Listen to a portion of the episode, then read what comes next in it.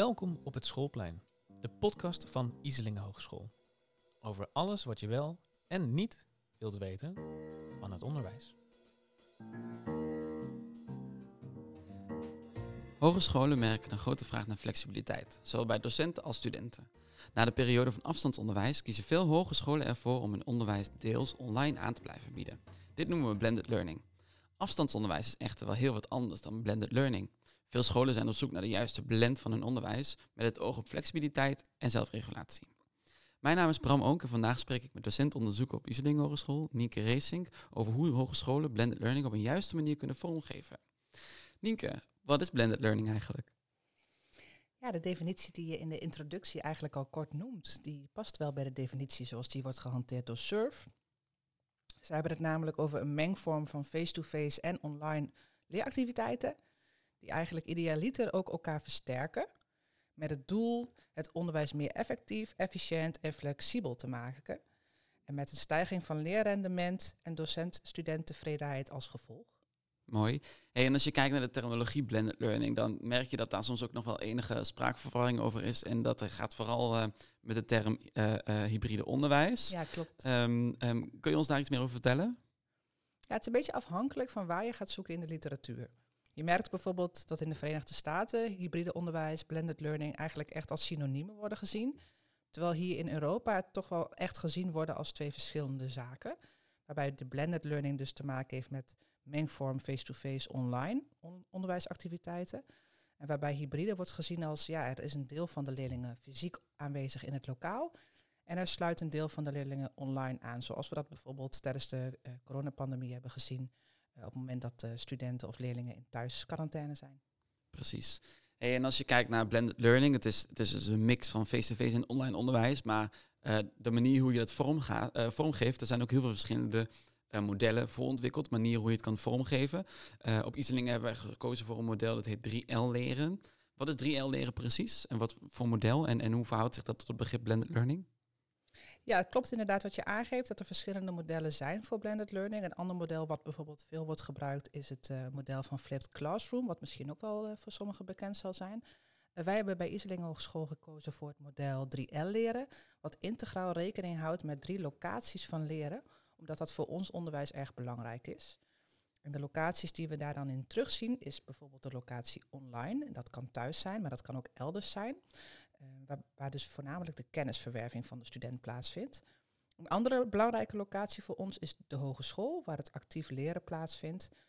En een andere locatie die we erkennen is de opleidingsschool of de stageschool waar de uitvoering centraal staat en het uh, ontvangen van begeleiding. Dus dat zijn voor ons de drie belangrijke locaties van leren, van, vandaar ook de benaming 3L leren. Precies, dus waar je eigenlijk blended learning als, uh, als definitie gaf, even mixen face-to-face en online onderwijs, blend je hem hier ook nog met een derde locatie van leren die echt prominent uh, aanwezig is in het onderwijs. Ja, heel goed. En, en dat online leren wordt dus ook echt erkend als belangrijke plek van leren, waar dat voorheen misschien minder het geval was. Precies. Um, ja, en als je dan daarnaar kijkt en hoe blend je dit, is, uh, merk je vaak dat er ook wel een soort van matrix ontstaat in de zin van um, uh, online of fysiek onderwijs. Maar je hebt ook synchroon en asynchroon onderwijs. Mooi dat je dat benoemt. Ja, dat is inderdaad een ander onderscheid wat regelmatig wordt gemaakt. Waarbij synchroon onderwijs dus te maken heeft met alle studenten op hetzelfde moment werken aan hetzelfde onderwijsonderdeel. En asynchroon heeft dus meer te maken, en ja, je bent wat meer flexibel hè, in de locatie waar je het uitvoert en in de, tij in de tijd waar je het, wanneer je het uitvoert. Dus, uh, je kunt je voorstellen dat de docent iets klaarzet in de digitale leeromgeving en dat de student zelf kan bepalen op welk moment en op welke locatie ga ik nou zelf uh, met die uh, materialen aan de slag. Ja, en als je dan kijkt in die, hè, we hebben dan in die matrix ergens en je maakt die blend. ik denk dat veel mensen wel bijvoorbeeld, een, iedereen kent synchroon fysiek onderwijs wel. Um, maar een iets meer omstreden uh, plekje op deze matrix is dan synchroon online uh, onderwijs. Mm -hmm. En ik denk dat dat vooral ook een beetje te maken heeft met de periode van afstandsonderwijs. We hebben daar misschien gemerkt van, hé, hey, zo willen we het dus niet hebben. Afstandsonderwijs, we moeten online met z'n allen die les gaan doen. Uh, iedereen heeft ervaren, nou, er zijn heel veel activiteiten die hebben fysiek meer mm -hmm. kracht. Mm -hmm. um, uh, dus dat het daarom die plek wat meer uh, omstreden is. maar er zijn activiteiten die heel goed synchroon online plaats kunnen vinden. Ja, mooi dat je dat benoemt. Want ik merk dat inderdaad op het moment dat we het hebben over online onderwijs, dat ook collega's al snel weer denken aan dat synchroon online. Dus met z'n allen in een meet of in een, in een, in een Teams. eh, in ieder geval bezig zijn met hetzelfde onderwijs. Ook eigenlijk je, je, je, je werkgroep verplaatsen naar een online omgeving. Dat is natuurlijk niet altijd wat online inhoudt. Want dat kan dus ook heel goed asynchroon op je eigen moment. eh, op je eigen locatie. Eh, maar voor je synchroon online onderwijs zijn ook wel zeker hele effectieve eh, invullingen te bedenken. Denk bijvoorbeeld aan een online vragenuurtje. Waar studenten echt naartoe komen met een bepaalde behoefte. En dat zij ook de vragen en antwoorden van andere studenten kunnen meekrijgen. Uh, er zijn ook uh, echt wel hele geschikte invullingen voor te bedenken. Maar het blijft niet alleen bij dat synchroon online. En soms helpt het om studenten en, en ook docenten daarvan bewust te maken dat online meer is dan die, uh, die online werkgroepen. Ja.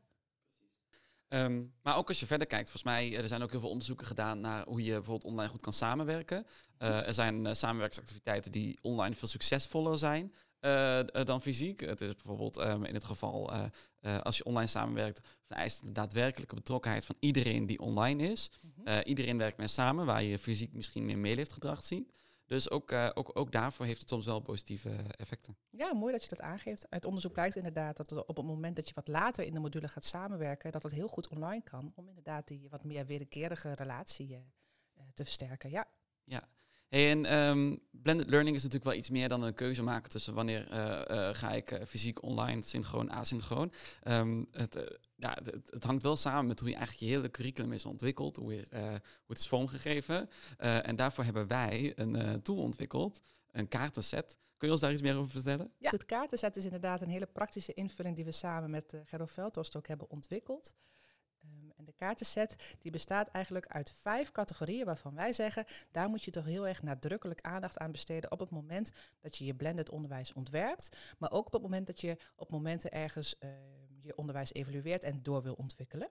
En die vijf categorieën die wij daarin onderscheiden zijn voortgangmonitoren, leren op verschillende locaties, interactie, flexibiliteit en zelfregulatie ondersteunen. Misschien is het goed om uh, even een aantal voorbeelden van de kaarten te bekijken. Lijkt me goed.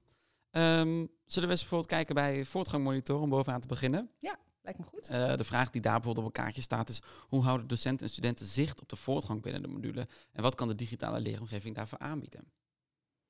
Ja, dat is inderdaad een vraag die wij dan op de voorkant van de kaarten stellen. Om docenten daarover uh, aan het denken te zetten. Maar ook docenten met elkaar over in gesprek te laten gaan bij het uh, samenstellen van een module. En deze kaart is zoals je zegt gericht op het monitoren van de voortgang. En hetgene wat de digitale leeromgeving daarvoor zou kunnen aanbieden. En op de achterzijde doen we daar dan een aantal suggesties voor. Uh, we geven bijvoorbeeld aan dat je zou kunnen werken met een leerpad, zodat een student echt een bepaalde route doorloopt. Dat kan mogelijk ook een adaptieve route zijn, waarbij hij bepaalde stappen overslaat of misschien juist bepaalde stappen uh, wel doorloopt als er bepaalde achtergrondinformatie, achtergrondkennis nog niet aanwezig is. Uh, Zo'n leerpad kan de student en de docent heel erg op de hoogte houden van de voortgang. Hoeveel procent van dat leerpad is al, opge, is al uitgevoerd en wat moet de student daar nog in doen? Dus dat geeft eigenlijk een heel duidelijk beeld voor zowel stu student als docent. En waarom is het dan zo belangrijk om de voortgang te monitoren in blended learning? Uh, dat is eigenlijk wel een behoefte die zowel gevoeld wordt bij studenten als docenten. Wat we docenten daarover bijvoorbeeld horen zeggen is, ja, we merken heel erg dat studenten gaan leven van bijeenkomst naar bijeenkomst. Tijdens bijeenkomsten of net voor de bijeenkomst is er weer heel veel wat gedaan wordt voor een module. Maar eigenlijk in de momenten daartussen, als het bijvoorbeeld weer even twee weken duurt voordat er een bijeenkomst is, dan zien we dat die activiteit van de student wat wegzakt. En het zou heel mooi zijn dat de student ja, eigenlijk ziet van hé, hey, dit is mijn voortgang binnen de module, dit is wat ik eigenlijk tussendoor ook nog kan doen. En dat die activiteit van de student wat meer op één niveau blijft. Wat meer wisselvallig is, wat minder wisselvallig is. Precies, en volgens mij is ook een, een uh, aanbeveling die ergens op de kaartspel terugkomt, is de, de kennisverwerving. Mm -hmm. um, uh, daarbij staat de aanbeveling dat die zoveel mogelijk flexibel en aan het begin van de module wordt aangeboden. Uh, daarmee wordt bedoeld bijvoorbeeld dat er kennisverwerking plaatsvindt in de digitale leeromgeving door middel van leesactiviteiten, filmpjes om te kijken, podcasts om te luisteren. Um, volgens mij is voortgang monitoren ook een mooie manier om even te checken van hey, uh, is, is de kennis die je graag wil dat de studenten aan het einde bezitten, is die, beklijft die? Hebben ze het onthouden? Ja. Um, ja, zeker. En, en ook op het moment dat je merkt, hey, er zijn bepaalde onderdelen die de student minder goed oppakt, of waar ze nog wat mee struggelen. Dat kun je dan bijvoorbeeld zien, testjes of kleine uh, quizjes te laten uitvoeren. Dan weet je ook voor de, voor als docent, waar kan ik nog even aandacht aan besteden in de fysieke bijeenkomst bijvoorbeeld? Waar kan ik nog even op terugpakken en waar moet ik nog even wat dieper op ingaan om de studenten daarin te begeleiden? Ja, en volgens mij hangt deze uh, kaart dan ook heel erg mooi samen met de kaart over interactie in de leeromgeving. Uh, waar we straks ook nog wel terug kunnen zullen komen. Ja. Ehm, want het volgende kaartje, uh, de, de, volgende categorie op het kaartenset, uh, we pakken er telkens eentje uit, is uh, leren op verschillende locaties. Um, nou, eigenlijk hebben we die al redelijk toegelicht. Leren vindt op verschillende locaties plaats. Nou, als Iseling hebben we de keuze gemaakt voor 3L leren, dus vooral thuis, online, op de hogeschool of op de opleidingsschool. Um, maar toch, toch kun je ook nog breder denken dan de, de simpele kaders als je voert thuis wat dingen uit op de hogeschool en op de opleidingsschool. Ja, klopt. En, en in die zin is de digitale leeromgeving de locatie die die verschillende plekken van leren met elkaar verbindt. En eigenlijk zou het mooi zijn dat het niet alleen de locaties met elkaar verbindt, maar ook hetgene wat je geleerd hebt op die verschillende locaties eigenlijk versterkt en, en, en daarin uh, een sterkere blend maakt. En het mooie is, waar we een tijdje geleden over gesproken hebben samen, we zijn eigenlijk gewend om te denken in, hey, wat, heeft de, wat heeft de student gedaan op de, op de stageplek? En laten we dat nou eens even terugpakken in de, in de bijeenkomsten op de hogeschool bijvoorbeeld. Wat een prima manier van denken is. Maar het kan natuurlijk ook andersom. Wat van hetgene wat we op, uh, op de hogeschool doen, kan de student meenemen naar stage. En in die zin uh, ja, moeten we onszelf soms nog een beetje trainen in ja, welke, op welke manier kunnen we die verschillende locaties van leren met elkaar verbinden. En, en laat het ook niet altijd inrichtingsverkeer zijn in die zin. Precies. Um, nou ja, en ook wel een mooie locatie van leren. Wij hebben hier op de hogeschool ondertussen uh, een ontdeklab, de werkplaats van de toekomst. Er zijn uh, veel hogescholen die met een dergelijke ontwikkeling bezig zijn.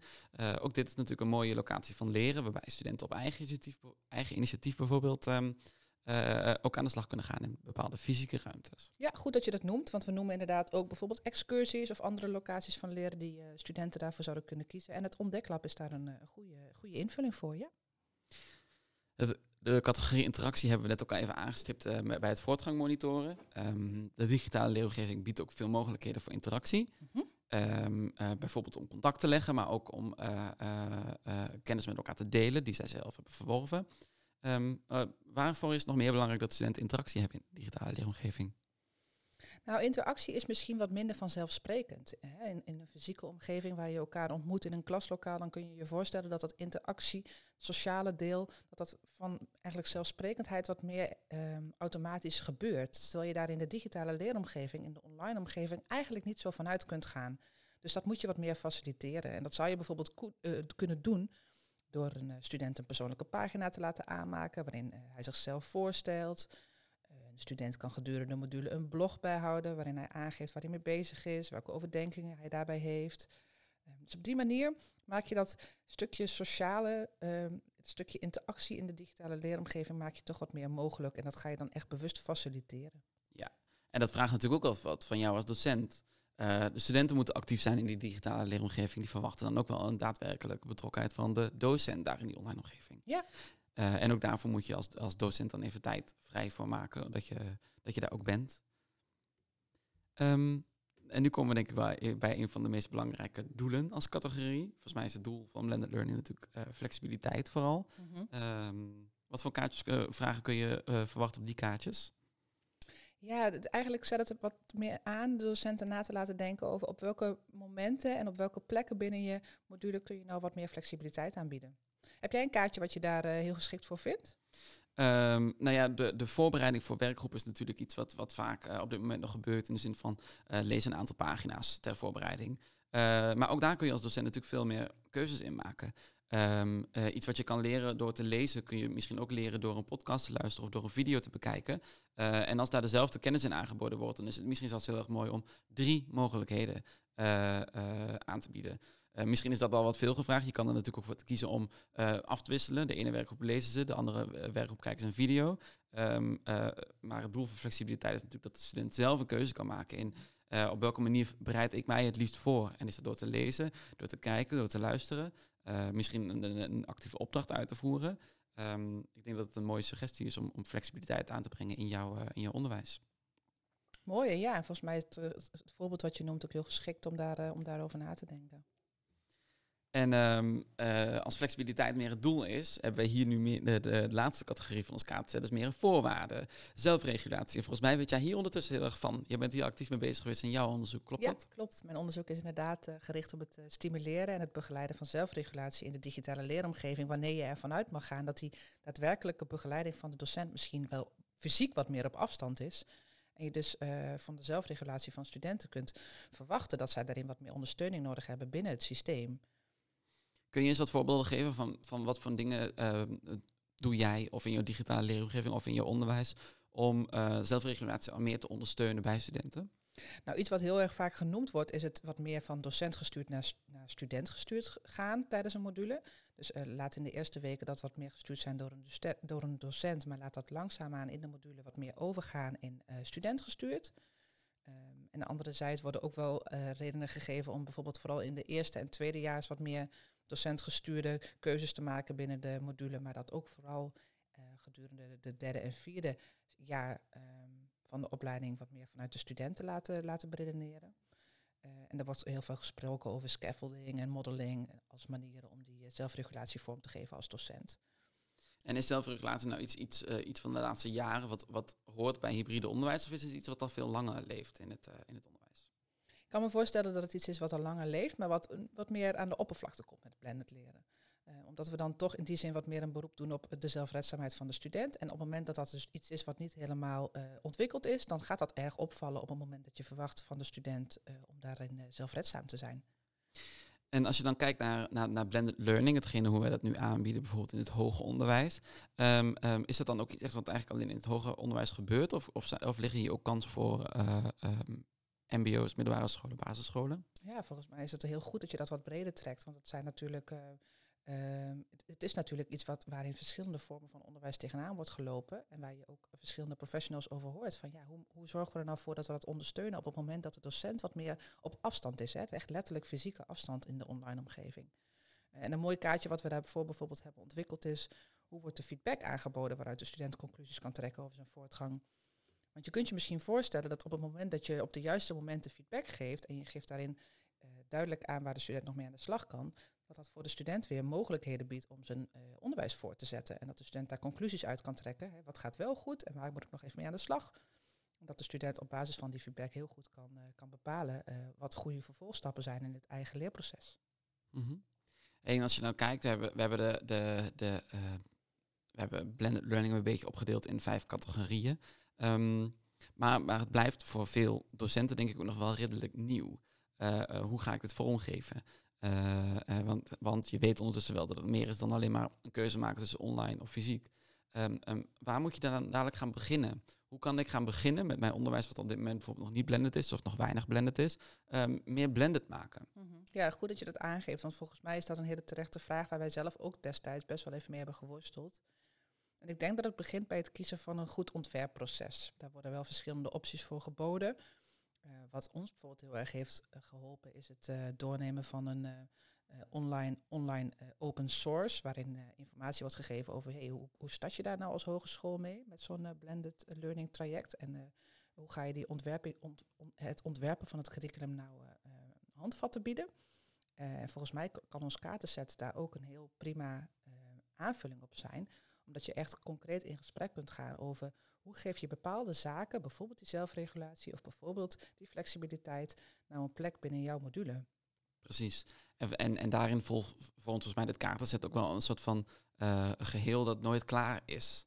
Um, volgens mij, in ieder geval, ik hoop dat als je met het kaartenset bezig bent, uh, dat je jezelf af en toe een keer een vraag stelt. Uh, en, en je doet een aanpassing in je module. En je gaat een jaar later, je hebt die module een, een jaar gedraaid en je komt weer terug bij je kaart zetten. Je ziet dezelfde vraag weer, of misschien een andere vraag. Dat het, dat het uh, uh, weer een verdiepende vraag kan zijn op de stap die je al gezet hebt. Ja. ja, volgens mij is het inderdaad precies zo zoals je het moet inzetten. Dat je het inderdaad voor je eigen ontwikkeling en evaluatie ook af en toe erbij pakt. En dat het misschien zelfs voor instellingen wel ook. Um, kan laten zien, ja, waar moet je nou je docenten nog professionaliseren? Want als er kaarten zijn waar docenten eigenlijk moeilijk invulling aan kunnen geven, dan kun je dat ook weer gebruiken voor, ja, waar is eigenlijk behoefte op het gebied van professionalisering? Precies. En volgens mij is er, is er ook al heel erg veel beschikbaar. Er zijn veel webinars op dit moment over uh, blended learning. Hoe, hoe geef je het vorm? Uh, eigenlijk wel heel veel praktische uh, uh, artikelen, niet eens wetenschappelijke artikelen, maar gewoon met tips of tricks. Hoe kun je ermee aan de slag? Wat is nou eigenlijk blended leren? Um, uh, ik denk ook wel dat het helpt om een heldere definitie daarin te hebben van goh, maar welke kant willen we op? Zeker. Welke keuzes maken we daarin? Um, en wij hopen dat we met het kaartenset daar een mooie stap in hebben gezet. Hopelijk, ja, zou mooi zijn. En na het luisteren van deze podcast denk ik dat de mensen wel heel erg benieuwd zullen zijn naar dit kaartenset. Waar kunnen de mensen dit kaartenset vinden? De kaartenset kun je als pdf-bestand downloaden op www.iselingen.nl slash 3L leren. En binnenkort zal de generieke kaartenset ook beschikbaar komen in de webshop op de website. Ja, met generieke kaartenset bedoelen we, we hebben er nu een die echt gericht is op Iselingen, waarin de terminologieën van Iselingen worden gebruikt zoals wij die hanteren. Uh, en de generieke kaartenset is wat, wat uh, universele toepasbaar, uh, zonder schoolspecifieke termen. Ja. Nienke, dan wil ik jou heel erg bedanken voor deze podcast. Ik hoop dat jullie de luisteraars een interessante podcast vinden, dat jullie er wat aan hebben aan deze podcast, plus de kaartenset. Um, en vond je dit nou een leuke podcast, dan horen we dat graag terug via podcast.inzelingen.nl. Uh, vergeet dan ook niet te abonneren of te volgen, je, onze podcast te volgen in je favoriete podcast-app, zodat wij beter vindbaar worden in de verschillende podcast-apps. En dan horen we je graag terug in de volgende podcast. Dankjewel.